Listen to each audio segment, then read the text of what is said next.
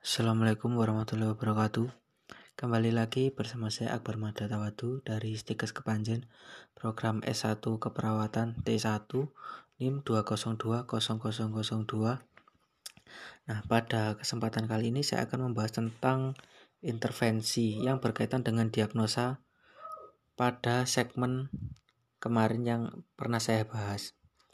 Nah, pada intervensi ini saya mengangkat tentang promosi coping di SDK eh, di buku standar intervensi keperawatan Indonesia. Nah, saya mengambil di situ tentang promosi coping dengan kode I.09312.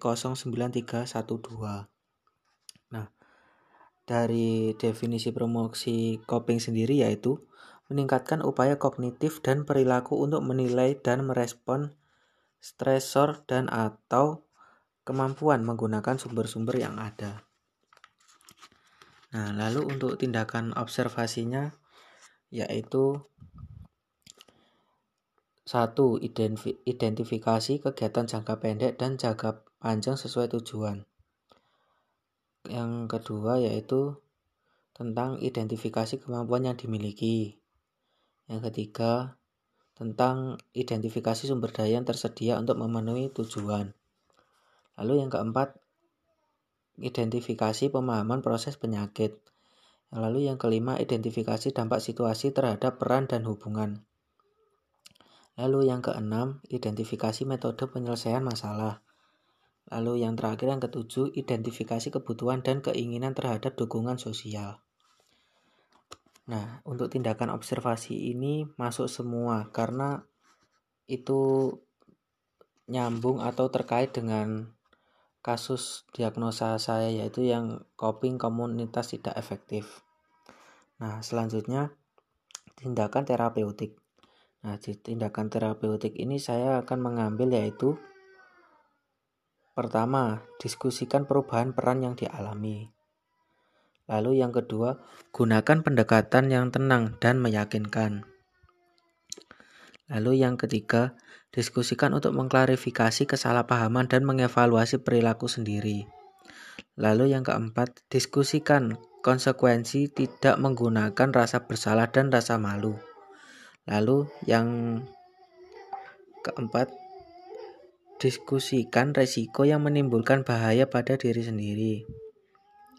Lalu yang kelima, fasilitas dalam memperoleh informasi yang dibutuhkan. Maksudnya memfasilitasi gitu loh. Lanjut. Nah, berikan pilihan realistis mengenai aspek-aspek tertentu dalam perawatan. Lalu uh, nah ini memotivasi lalu memberikan motivasi mengidentifikasi sistem pendukung yang tersedia.